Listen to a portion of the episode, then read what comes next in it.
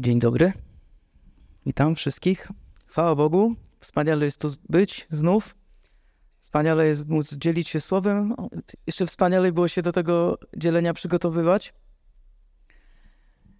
Yy, powstańmy, przeczytajmy fragment, dzisiejszy fragment ze Słowa Bożego i pomódlmy się, żeby rozpocząć. Zacznijmy od modlitwy. Drogi Panie, kochany Ojcze, tak dziękujemy Ci za to, że Ty przemieniłeś nasze życie. Panie, dziękujemy Ci, że możemy tu być jako Twoje dzieci, obmyte Twoją krwią, że jesteśmy bielsi niż najbielszy śnieg. Dzięki Twojej łasce. Panie, dziękujemy Ci, że Ty przemieniasz nasze życie, że Ty dałeś nam duchowe narzędzia, abyśmy podążali za Tobą, abyśmy byli, szli Twoimi śladami, Panie.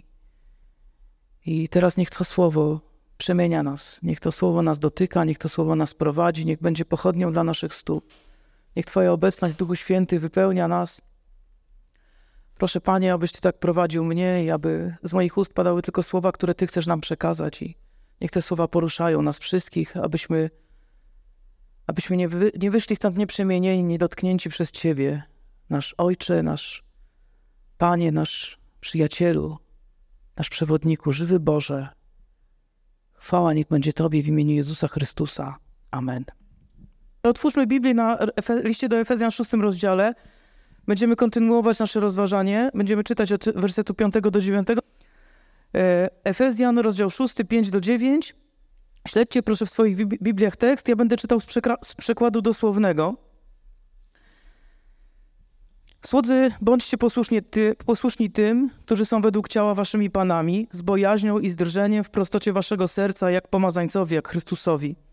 Służcie nie na pokaz, jak to robią pochlebcy, lecz jak słudzy Chrystusa, którzy pełnią wolę Boga z całej duszy, służąc z dobrej woli jak Panu, a nie ludziom. Świadomi, że każdy, jeśli uczyni coś dobrego, to też otrzyma od Pana, czy to sługa, czy wolny. A wy, panowie, tak samo postępujcie względem nich – Porzućcie groźbę, świadomi, że zarówno ich, jak i wasz Pan jest na niebiosach, a u Niego nie ma stronniczości. E, tak, Efezja 6, 5, 9. Okej, okay. więc tak, ten tekst jest w miarę... Możemy już usiąść. Ha, to sobie, ale bym was przytrzymał. Sorry. To by było kazanie. Dłuższe się wydawało niż jest w rzeczywistości. Okej. Okay. Tekst jest dość prosty. Ten komunikat, który jest przekazany w tym tekście jest dość prosty. Mamy wyraźnie określonego adresata. W pierwszej części to są dulos, po grecku dulos, czyli niewolnik, ten, kto służy w niewoli, oddany komuś drugiemu bez względu na własne interesy, sługa lub pomocnik. I może nam się wydawać, że hmm, co mnie obchodzi jakiś tekst a propos relacji między niewolnikami a ich panami, skoro dziś nie ma niewolnictwa.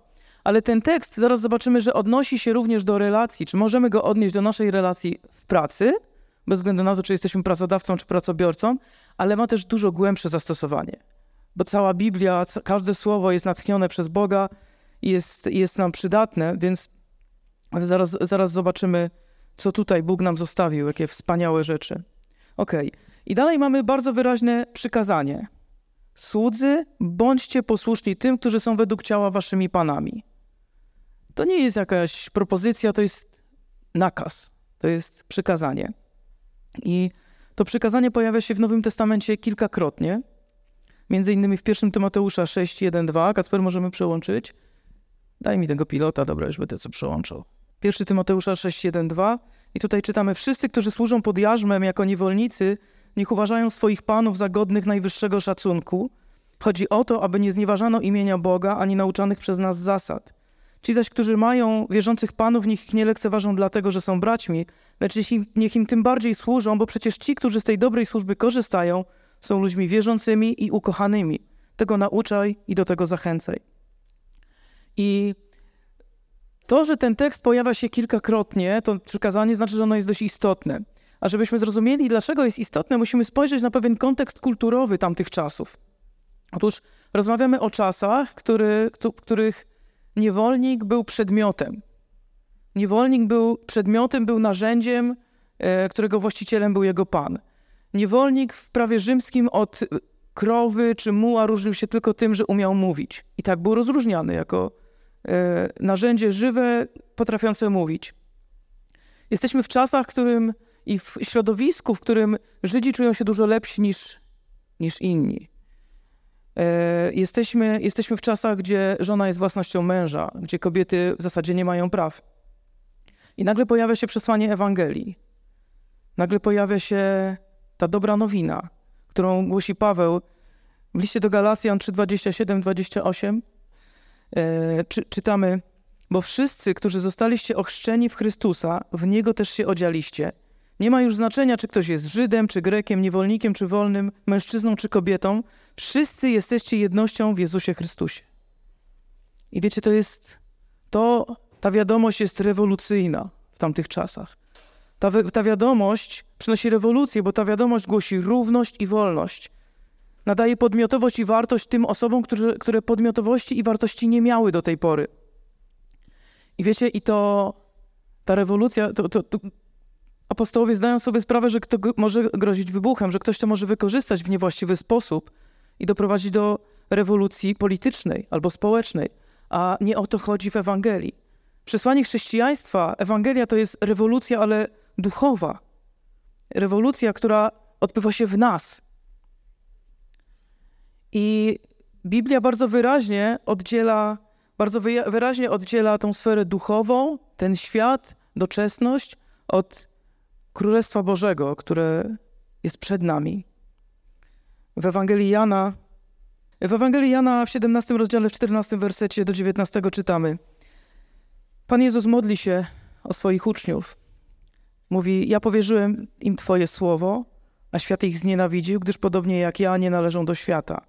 Nie proszę, abyś ich zabrał ze świata, ale abyś ich ustrzegł od złego. Nie należą do świata, jak i ja nie należę do świata. Poświęć ich do życia w prawdzie. Słowo Twoje jest prawdą. Jak Ty mnie posłałeś na świat, tak ja ich posłałem na świat i za nich poświęcam siebie samego, aby ich życie również było poświęcone prawdzie. Później przed Piłatem Pan Jezus powie, że moje królestwo nie jest z tego świata. I widzimy to wyraźne roz, roz, rozdzielenie. Jesteśmy w tym świecie, ale nie jesteśmy częścią tego świata. Jesteśmy jak ciało obce. I w 1 Jana 3, 15, 3, 1 Jana 5, 19 do 20 czytamy Wiemy, że jesteśmy z Boga, a cały świat tkwi w mocy złego. Wiemy też jednak, że Syn Boży przyszedł i dał nam rozum, abyśmy poznawali tego, który jest prawdziwy. I jesteśmy w tym prawdziwym, w Jego Synu, Jezusie Chrystusie. On jest prawdziwym Bogiem i życiem wiecznym. Więc widzimy, że Kościół, że my żyjemy, funkcjonujemy w świecie, nie będąc jego częścią. Oczywiście to nie znaczy, że oddzielamy się od tego świata, że budujemy płoty, zamykamy się w jakichś, nie wiem, gettach i, i, i nie wychodzimy do tego świata. Nie. Jesteśmy powołani do tego, żeby wywierać wpływ na ten świat. Jesteśmy powołani, żeby być solą ziemi i światłem, światłem dla świata, żeby nieść światło Chrystusa, żeby nieść ludziom Ewangelię. Ale ten wpływ, który chcemy wywierać na świat wokół nas, na, na nasze otoczenie, nie, nie, nie czynimy tego przemocą, nie czynimy tego w jakiejś pysze, ale wzorem naszego Pana, tak jak nam powiedział, naśladujcie mnie, bo jestem cichy i pokornego serca. I właśnie w tej cichości, w tej pokorze, w tej relacji z Bogiem, w modlitwie, staramy się być światłem i być solą. Jest taka piosenka bardzo dobrze znana, która doskonale wyjaśnia i obrazuje to, kim jesteśmy w tym świecie. Świat nie jest domem mym, jam tu przechodniem jest. Me skarby w niebie są nie w tej dolinie łez. Do nieba, tam do gwiazd, anieli wabią mnie. Chciałbym stąd wyrwać się, obcym tu czuję się. Do nieba, tam do gwiazd, anieli, anieli wabią mnie. Jesteśmy tu tylko pielgrzymami. Nasza ojczyzna jest w niebie. I Paweł pisze w liście do Kolosan w trzecim rozdziale, w pierwszym wersecie – Skoro więc razem z Chrystusem zostaliście wzbudzeni, zabiegajcie o to, co w górze, gdzie siedzi Chrystus po prawej stronie Boga. Myślcie o tym, co w górze, nie o tym, co na ziemi. Umarliście bowiem, a wasze życie jest ukryte wraz z Chrystusem w Bogu. Żyjemy tutaj, w tym świecie, oczekując przyszłego świata. Jesteśmy jak, jak ci Żydzi, którzy szli 40 lat przez pustynię. I idziemy przez tą pustynię, wiedząc, że na końcu jest ziemia obiecana. Nie wiemy, ile ta podróż będzie trwała, ale wiemy, że na końcu jest ziemia obiecana i tej ziemi obiecanej wyczekujemy. Jej wyglądamy. I oczywiście spotykają nas różne trudności, spotykają nas, nas, nas, nas różne przeciwności. Nie dziwmy się, Pan Jezus powiedział, że tak będzie. Świat was znienawidzi, powiedział. W świecie ucisk mieć będziecie. Ale my się nie zniechęcamy, bo patrzymy dalej, patrzymy na nasz cel. W drugim Koryntian, w czwartym rozdziale, apostoł Paweł w siódmym do dziesiątego wersetu Paweł pisze, że skarb ten mamy w naczyniach glinianych, aby było widoczne, że źródłem tej ogromnej mocy jest Bóg, a nie my.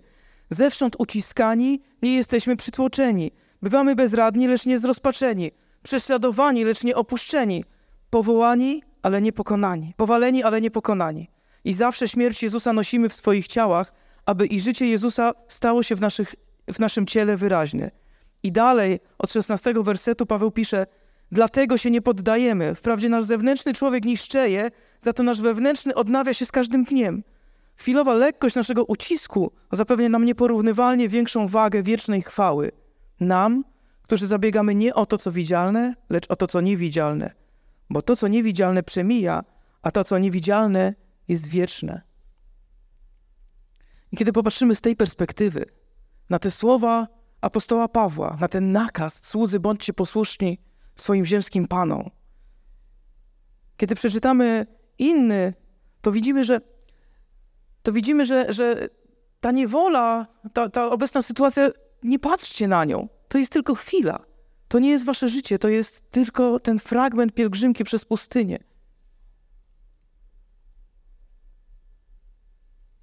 W drugim Koryntian, w siódmym w pierwszym Koryntian, drugi, przepraszam, w pierwszym Koryntian w siódmym rozdziale, pierwszy Koryntian, siódmy rozdział, od 17 do 24, Paweł pisze tak. Niech zatem każdy postępuje tak, jak wyznaczył mu Pan i jak go powołał Bóg. Tej zasady trzymam się we wszystkich kościołach. Kto został powołany jako obrzezany, niech nie ukrywa obrzezania. Kto jako nieobrzezany, niech się nie obrzezuje. Obrzezanie nie ma znaczenia, podobnie jak jego brak. Liczy się przestrzeganie przykazań Boga. Niech każdy pozostanie w tym stanie, w którym został powołany. Zostałeś powołany będąc niewolnikiem? Nie martw się. Chociaż jeśli masz możliwość, stań się wolny uwaga tutaj ode mnie, niewola nie jest cnotą ani wartością samą w sobie. Tak? Jeżeli możesz uzyskać wolność, to korzystaj z tego, pisze Paweł. Kto bowiem jako niewolnik został powołany w Panu, ten jest wyzwoleńcem Pana. Podobnie kto jako wolny został powołany, jest niewolnikiem Chrystusa. Zostaliście kupieni za wysoką cenę, nie bądźcie niewolnikami ludzi. Bracia, niech każdy pozostanie przed Bogiem w tym stanie, w którym został powołany. I jeszcze ostatni tekst a propos niewolników, tym razem apostoła Piotra z pierwszego listu Piotra z drugiego rozdziału. Pierwszy Piotra, drugi rozdział od 18 do 25. Tu Piotr do tej niewoli, do tego ucisku w niedoli, on dodaje jeszcze jedną rzecz. Spójrzcie na Chrystusa. Spójrzcie na swojego nauczyciela, spójrzcie na swojego mistrza. Piotr pisze następująco. Niewolnicy, z całą odpowiedzialnością podporządkowujcie się woli panów, nie tylko dobrych i łagodnych, ale także przykrych. Kto bowiem posłuszny sumieniu oświeconemu przez Boga napotyka trudności i cierpi niewinnie, ten właściwie dostępuje łaski. Bo cóż to za zaszczyt, kiedy się cierpi z powodu własnych grzechów. Ale właśnie wtedy, gdy znosicie cierpienia za swoje dobre czyny, spotyka was łaska ze strony Boga. Na to was powołano – Chrystus również cierpiał za was, zostawiając wam przykład, abyście wstępowali w jego ślady. On grzechu nie popełnił, ani w jego wypowiedziach nie znaleziono zdrady. On, gdy mu ubliżano, nie odpowiadał obelgą. Gdy cierpiał, nie groził. Raczej powierzał się temu, który rozstrzyga sprawiedliwie. On sam w swoim ciele zaniósł nasze grzechy na krzyż, abyśmy martwi dla grzechów żyli dla sprawiedliwości. Jego sińcami zostaliście uleczeni.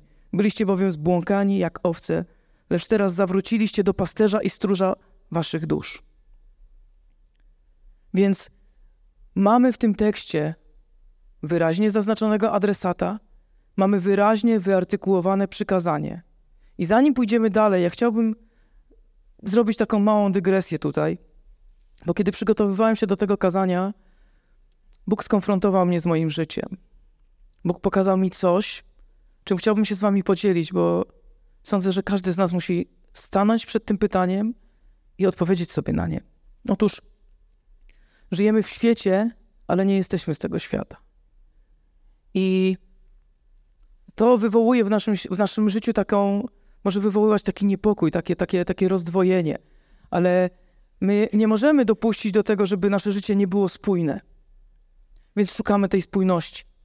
I tą spójność możemy znaleźć na dwa sposoby. Jeden jest łatwiejszy, choć wciąż trudny, a drugi jest właściwy. Otóż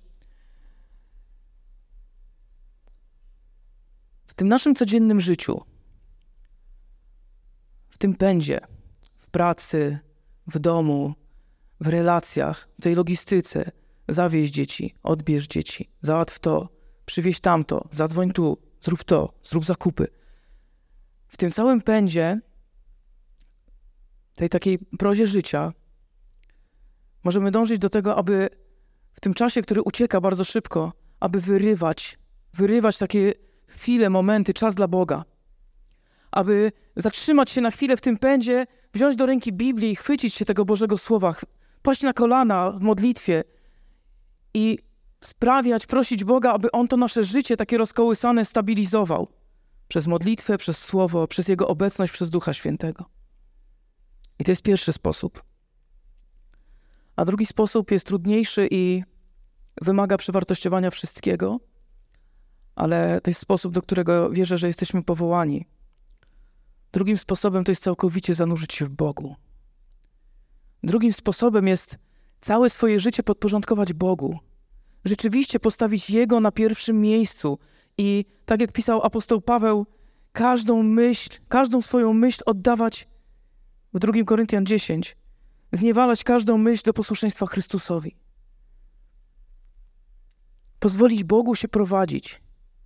Mieć świadomość przez cały dzień, to jest trudne. To może być trudne, przynajmniej na początku, ale mieć świadomość na każdym kroku, że Bóg jest z nami, że to On nas prowadzi. Pozwolić ten żagiel życia wypełnić tchnieniu Ducha Świętego, który nas będzie pchał, który nas będzie napełniał i który nas będzie prowadził. I kiedy będziemy tak żyli, to wtedy ta proza życia, ta cała gonitwa, którą mamy, te wszystkie wyzwania, przed którymi stoimy, które często są nieprzyjemne, one staną się wtedy elementem naszego życia z Bogiem. One już nie będą czymś, co nam przeszkadza. One staną się elementem, w którym możemy przyjmować Bożą łaskę i widzieć Jego działanie w naszym życiu. I wiecie, i to ta konfrontacja, którą, przed którą Bóg mnie postawił, spytał mnie, kiedy się przygotowywałem do tego kazania. W jaki sposób? Czy Twoje życie jest spójne i w jaki sposób jest spójne? I wierzę, że każdy z nas, bracia i siostry, powinien stanąć przed Bogiem jeszcze dzisiaj i zastanowić się nad tym, czy moje życie jest spójne, czy moje życie z Bogiem jest spójne i czy Bóg jest dodatkiem do mojego codziennego życia, czy jest na odwrót? Czy moje życie to życie z Bogiem, do którego wszystko jest dodatkiem?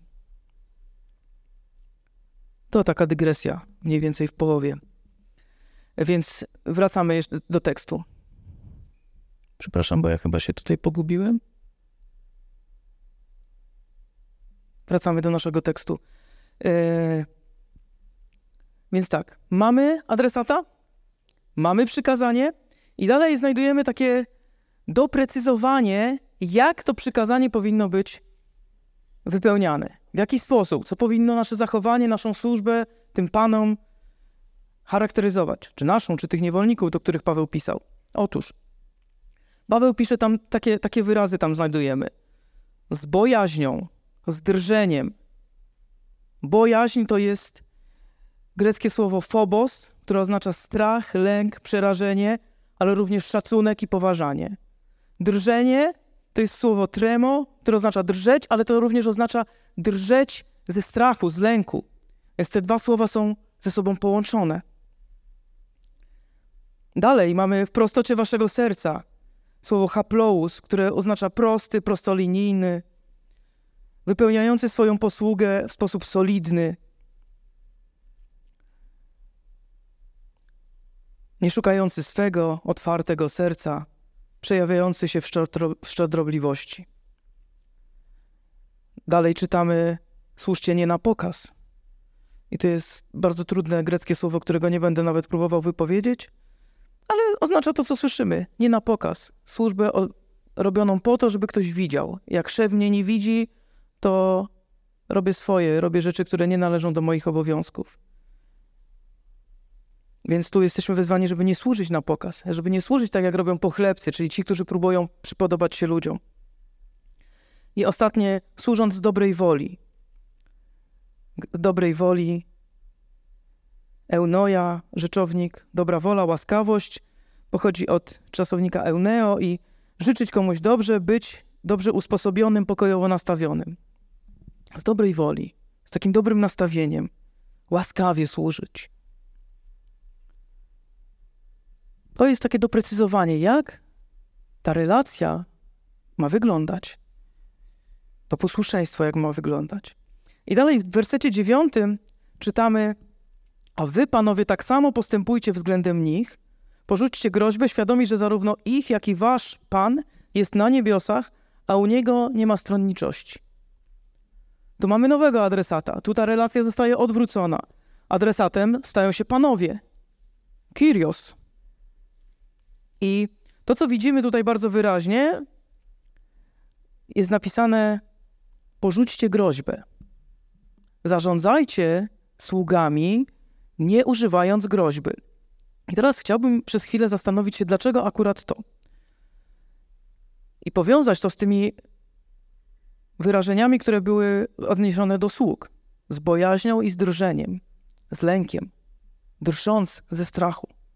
Ta bojaźń i drżenie to jest również opis relacji, którą my mamy mieć względem Boga. Mamy mieć bojaźń przed Bogiem. I kiedy pamiętam, że studi- jak studiowaliśmy księgę Joba, rozmawialiśmy o tej bojaźni. W jaki sposób ta bojaźń ma wyglądać? W jaki sposób ma wyglądać to drżenie? Dlaczego mamy, mamy drżeć? My nie boimy się Boga z lęku, że nam coś zrobi. Nie boimy się Boga, dlatego że jest tyranem i może nam zrobić krzywdę. Wiemy, że On nie jest takim. Dwa tygodnie temu mieliśmy o tych sposobach wychowywania dzieci. I On nie jest ojcem takim e,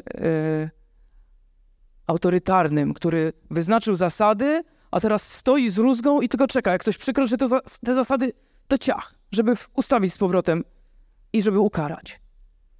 Takiego Boga widzą ludzie, którzy go nie poznali. Ludzie, którzy mają nieprzemienione serca. My wiemy, że Bóg nas kocha. My znamy Boga, który jest naszym miłującym, kochającym Ojcem. My znamy Boga, który jest zaangażowany w nasze życie, który koryguje nas oczywiście, ale pomaga nas uczyć, przestrzegając zasad, jest przy nas. On jest wyrozumiały, on nas cierpliwie podnosi. I wiecie, ta świadomość, że to jest ten sam Bóg, ten, który nas podnosi, ten, który o nas się troszczy, to jest ten sam Bóg, który wypowiedział słowo i powstał wszechświat. To jest ten sam Bóg, który wypowiedział słowo i cały świat został zalany wodami potopu. Kiedy dwa dni temu szedłem i patrzyłem w gwiazdy i się uświadomiłem, że to jest ten sam Bóg, który stworzył to wszystko, który jest ponad tym wszystkim. Ten Bóg, któremu dziś Aniołowie, cherubowie w niebie, przed którym klęczą, padają na kolana i wołają święty, święty, święty, oddają mu cały czas chwałę. To jest ten sam Bóg, do którego ja mogę przyjść, który pochylił się nade mną i mnie ocalił. I wiecie, i to w moim sercu wzbudza bojaźń, wzbudza szacunek. Wiecie, jestem jak taki kilkuletni chłopiec gdzieś na dzielnicy, który widzi swojego ojca i mówi: To jest gość. Patrzy na niego z dumą, patrzy na niego, wierząc, że on może wszystko. Widzi, jak ludzie otaczają go szacunkiem. Wie, że jeśli ojciec będzie chciał, to może wszystkich postawić do pionu jednym słowem. I z tego wynika ta bojaźń i drżenie, bo wiem, kto mnie zbawił i wiem, do kogo przychodzę w modlitwie. I wiem, że on nie musiałby mnie przyjmować a ja mogę do Niego przyjść w każdej chwili, do żywego Boga, Króla Wszechświata. I to jest ta bojaźń. I Bóg nie rządzi nami lękiem i strachem. On nas nie straszy, co ja wam zrobię. Dzieci, jak nie będziecie mi posłuszne, to ja wam pokażę. I właśnie dlatego, że jego serce jest takie, mówi panom, jako swoim sługom, mówi: postępujcie z waszymi sługami nie przez gniew, nie przez strach, nie przez lęk, ale wzbudzajcie szacunek w inny sposób. I w tym wersecie dziewiątym jeszcze jest jedna rzecz, która wzbudza takie zastanowienie. Otóż on mówi: A wy, panowie, tak samo postępujcie względem nich. Odnosi się do tekstu wyżej, czyli do względem kogo? Względem tych sług. Tak samo postępujcie. Co to znaczy tak samo postępujcie? No znów patrzmy na tekst, który był wcześniej. Z bojaźnią, z drżeniem, w prostocie waszego serca, nie na pokaz, z całej duszy, z dobrej woli. Czy tak panowie mają postępować ze swoimi sługami? Czy na pewno? Zaraz do tego dojdziemy. W tym tekście jest jeszcze jeden element, którym chciałem powiedzieć. Element, który nazywałem fundamentalnym. Otóż w każdym jednym wersecie pojawia się Bóg. W każdym jednym wersecie zwróćcie na to uwagę. Słudzy, bądźcie posłuszni tym, którzy są według ciała waszymi panami, z bojaźnią i z drżeniem w prostocie waszego serca, jak Chrystusowi. Służcie nie na pokaz, jak to robią pochlebcy, lecz jak słudzy Chrystusa, którzy pełnią wolę Boga z całej duszy, służąc z dobrej woli jak Panu, a nie ludziom, świadomi, że każdy, jeśli uczyni coś dobrego, to też otrzyma od Pana, czy to sługa, czy wolny. A wy, panowie, tak samo postępujcie względem nich, porzućcie groźbę, świadomi, że zarówno ich, jak i wasz Pan jest na niebiosach, a u niego nie ma stronniczości. Wszędzie, w każdym wersecie jest Bóg. I teraz, żebyśmy to pojęli, żebyśmy to ogarnęli, żebyśmy to zrozumieli, musimy przeczytać jeszcze raz ten werset, ale tak mocno osadzić go w kontekście, w którym osadził go Paweł. Więc jak ktoś myślał, że nie będzie kontekstu, to teraz będzie. Ok, więc jesteśmy, w, czytamy list do Efezjan. To mam coś jeszcze? Co to za chwilę? Czytamy list do Efezjan. List napisany do osób wierzących. List napisany do osób wierzących. Więc tu na marginesie on mówi do wierzących sług i on mówi do wierzących panów. List do Efezjan podzielony jest na dwie części. Pierwsze trzy rozdziały to są rozdziały, które, w których Paweł opisuje Ewangelię, opisuje jak Ewangelia działa, a druga część od, od rozdziału czwartego do końca rozdziału to Paweł daje praktyczne przykłady, jak przemienione Ewangelią życie powinno wyglądać w działaniu jak nasze przemienione życie, przemienione życie osób wierzących powinno w praktyce, w codziennym życiu wyglądać. I mówiliśmy o tym, że Paweł wszystkie te dobre czyny, które tam są wymienione, opiera na trzech fundamentach. Pierwszym fundamentem jest nasze powołanie. Czytamy o nim w wersecie, y, w czwartym rozdziale, w pierwszym wersecie. Już możemy przełączyć. Powołanie, rozdział czwarty, werset pierwszy. Za... Zachęcam was zatem ja, więzień w Panu, abyście żyli w sposób godny powołania, którego staliście się uczestnikami. Drugim fundamentem jest nasza tożsamość. Czytamy o niej w liście do Efezjan w rozdziale 5 w wersecie pierwszym. Naśladujcie Boga jako ukochane dzieci. I trzecim fundamentem jest relacja, o której czytamy w Efezjan 5:18. Dbajcie o to, aby duch mógł was stale napełniać. I tak jak Paweł w tych w tym tekście wszystko opiera na tych trzech fundamentach, tak mówiliśmy, że nasze życie, każdy aspekt naszego życia powinien być oparty również na tych trzech fundamentach. W liście do Rzymian w 14 rozdziale, w wersetach 7 i 8 czytamy: Nikt z nas przecież dla samego siebie nie żyje ani nie umiera, bo jeśli żyjemy, dla Pana żyjemy. Jeśli umieramy, dla Pana umieramy. Czy więc żyjemy, czy umieramy, należymy do Niego. Należymy do Boga. Jesteśmy Jego własnością. Jesteśmy Jego sługami.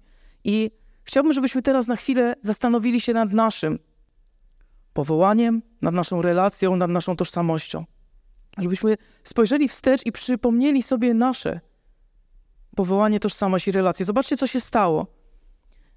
Byliśmy martwi. Ja lubię to, usłyszałem niedawno to porównanie Paula Washera i skorzystam z niego.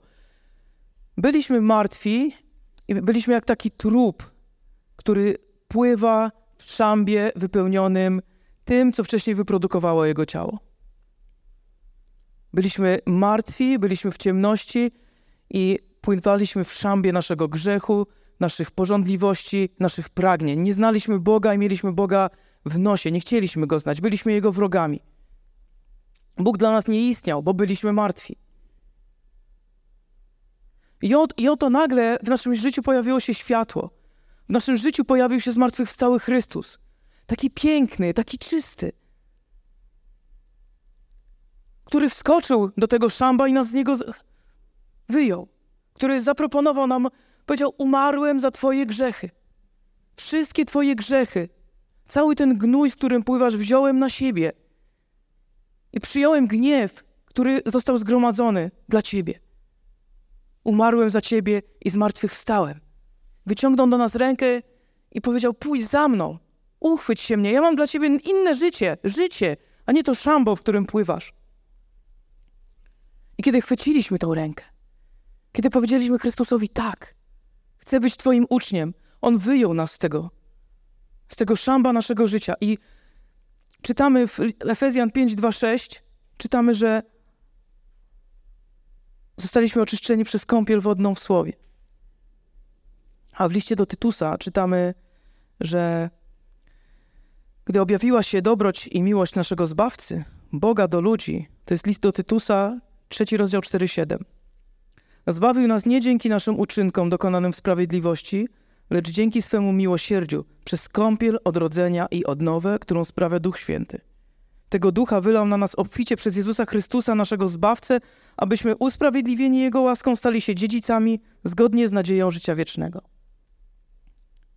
Więc mamy ten element powołania. Kiedy Chrystus powiedział do nas, tak jak powiedział kiedyś do uczniów: Pójdź za mną, zostań moim uczniem, naśladuj mnie. Dał nam Biblię, dał nam swoje słowo i powiedział: To jest podręcznik. To jest podręcznik. Oczyścił nas przez działanie Słowa Bożego i przez działanie Ducha Świętego. Tego Ducha wlał w nasze serca. Mamy przewodnika, mamy pocieszyciela, mamy tego parakleta, który stoi przy nas, który nas prowadzi, który nam wyjaśnia.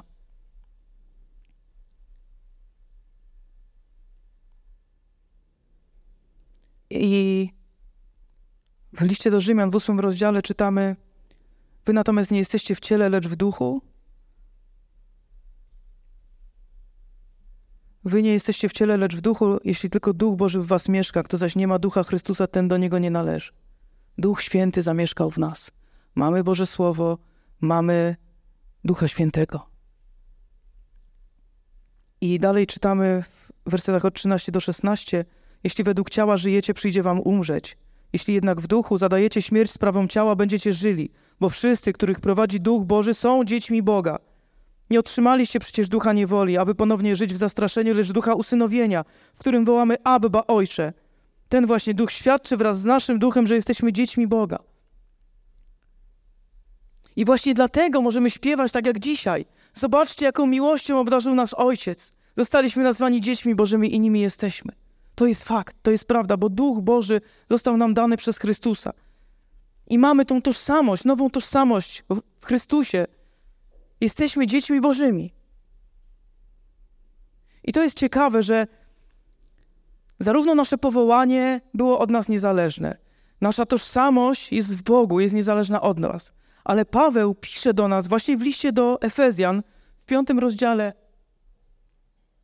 w wersetach od 18 do 21, w zasadzie w 18, pisze do nas, że ta relacja z Bogiem, ten, ta relacja z Duchem Świętym zależy od naszego posłuszeństwa. My mamy, Paweł pisze, dbać o to, dbać o to, starać się, pilnować tego, aby Duch Święty nas stale napełniał. I tak jak widzieliśmy niesamowite współdziałanie Ducha Świętego i Słowa Bożego w tym procesie oczyszczania nas, tak tutaj w tym fragmencie również widzimy to niesamowite działanie w tym procesie wzrostu, w tym procesie wyposażania nas do życia w świętości. Tu w liście do Efezjan czytamy o tym, że dbajcie o to, by duch was stale napełniał, a w liście do Kolosan w trzecim rozdziale, w tym wersecie, który mówi dokładnie o tym samym, w tym miejscu Paweł mówi słowo Chrystusa, niech mieszka w was obficie.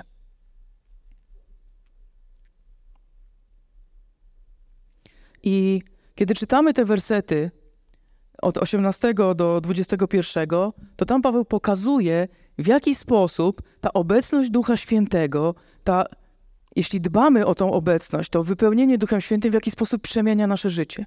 To, co mówiliśmy przed chwilą, zanurzamy się w Bogu, pozwalamy Jemu się prowadzić. I mówiliśmy, że to, żeby Duch was stale napełniał, to jest właśnie obraz tego żagla w żaglowcu, kiedy wiatr powieje i wypełnia ten żagiel i pcha ten statek siłą wiatru w kierunku, w którym wiatr chce wiać. I my mamy pozwalać Bogu, dbać o to przez właśnie przez słowo, przez modlitwę, żeby Duch Święty tak nastawiać się do Niego, szukać Jego tchnienia i pozwolić Jemu się prowadzić. I kiedy to robimy, dzieją się niesamowite rzeczy. Następuje przemiana w nas. Czytamy dalej w wersecie 19, że pojawia się w nas radość, pojawia się w nas pieśń, pieśń radości, pieśń zbawienia, ta nowa pieśń, o której czytamy w psalmach. Pojawia się, zmienia się nasza relacja w stosunku do Boga, to ma to na to wpływ. Wypełnia nas wdzięczność za to, co Bóg nam dla nas zrobił. Czytamy w wersecie 20. Z całego serca grajcie i śpiewajcie Panu, dziękując zawsze za wszystko Bogu i Ojcu w imieniu naszego Pana Jezusa Chrystusa. I zmienia się nasza relacja, Duch Święty zmienia nasze nastawienie do innych ludzi. Bo w 21 wersecie czytamy: bądźcie względem siebie nawzajem ulegli z szacunku dla Chrystusa. Pojawia się w naszym życiu uległość z szacunku dla Chrystusa. Widzimy, co Chrystus robi w naszym życiu. Patrzymy na Jego dzieło, na naszego nauczyciela, na tego, który nas powołał, na, który, na tego, który nas zbawił. I widzimy tego, który nie dbał o tron i nie dbał o chwałę, ale uznał, że jesteśmy ważniejsi. I przyszedł na ten świat, zanurkował w tym szambie, żeby nas ocalić. I widzimy, że zależy mu też na innych, na tych, którzy zostali ocaleni, którzy są częścią Kościoła, którzy są częścią ciała Chrystusa. O tym w zeszłym tygodniu mówił Paweł. I chcemy ich stawiać wyżej niż siebie. Na tym polega, na tym polega to, ta, ta uległość. Stawiamy innych jako ważniejszych od siebie. My się uniżamy. Ale widzimy też tych, których Chrystus kocha, za których umarł, a którzy jeszcze o tym nie wiedzą, którzy jeszcze tkwią w ciemności. I ze względu na Chrystusa chcemy o nich walczyć.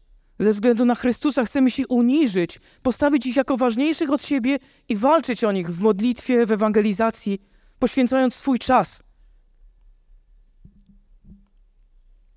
Ze względu na Chrystusa. Wszystkie, i dalej czytamy o tym, że wszystkie relacje budujemy właśnie na uległości, czyli stawianiu innych wyżej od siebie ze względu na Chrystusa. I Paweł pisze: Żony, bądźcie uległe swoim mężom ze względu na Chrystusa. Mężowie, ze względu na, swoje, na Chrystusa, uniście się przed Twoimi żon, żonami i kochajcie je tak, jak Chrystus umiłował Kościół, poświęcając wszystko. Dzieci, ze względu na Chrystusa, ze względu na Chrystusa szanujcie swoich rodziców. Rodzice, ze względu na Chrystusa, uczyńcie swoje dzieci ważniejszymi od siebie i zróbcie wszystko, żeby do tego Chrystusa je doprowadzić. Słudzy, słudzy, ze względu na Chrystusa, bądźcie posłuszni tym, którzy są według ciała waszymi panami, ze względu na Chrystusa, z bojaźnią i z drżeniem w prostocie waszego serca, jak Chrystusowi służcie, nie na pokaz, jak czynią to pochlebcy, lecz jak słudzy Chrystusa, którzy pełnią wolę Boga z całej duszy. Tu już jesteśmy w następnym wersecie.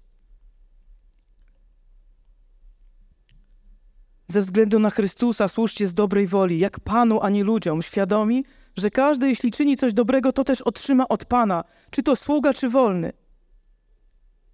A wy, panowie, ze względu na Chrystusa, tak samo postępujcie, tak samo postępujcie ze swoimi sługami. Ze względu na Chrystusa, traktujcie ich z bojaźnią i drżeniem, nie przed nimi, ale przed Bogiem. Ze względu na Chrystusa, w prostocie serca, nie na pokaz, z całej duszy, z dobrej woli ze względu na Chrystusa, porzućcie groźbę. Świadomi, że zarówno ich, jak i wasz Pan jest na niebiosach, a u Niego nie ma stronniczości. W tym kontekście wszystko staje się jasne. Ten tekst jest jeszcze prostszy. Więc podsumowując, Jesteśmy powołani do bycia uczniami Jezusa Chrystusa. On jest naszym Panem, On jest naszym nauczycielem. On nas powołał. Powiedział: Pójdź za mną i naśladuj mnie. Zostaliśmy wyposażeni w duchowe narzędzia. Wyposażeni w Boże Słowo, podręcznik nowego życia, prowadzeni przez Ducha Świętego. Mamy za, za zadanie naśladować w codziennym życiu naszego Pana.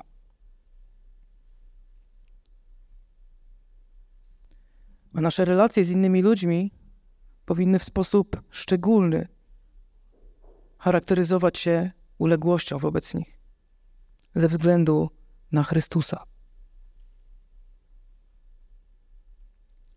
W liście do Filipian w drugim rozdziale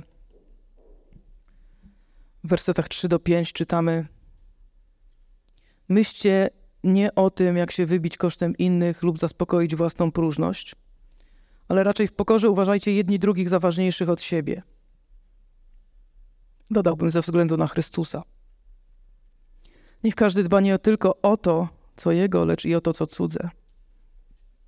Bądźcie względem siebie tacy, jak Chrystus Jezus. Żyjemy nie dla siebie, żyjemy dla Boga. I pamiętajmy o tym w naszych codziennych zmaganiach, że to On jest treścią i sensem naszego życia. On jest, On jest naszym życiem. Zadbajmy o to, żeby nie był tylko dodatkiem do naszej codziennej gonitwy, ale żeby rzeczywiście był naszym królem, aby rzeczywiście był treścią, żebyśmy rzeczywiście zanurzyli się w nim i przez niego byli prowadzeni. Szukam takiego tekstu teraz z dzisiejszego kazania, z dzisiejszego uwielbienia.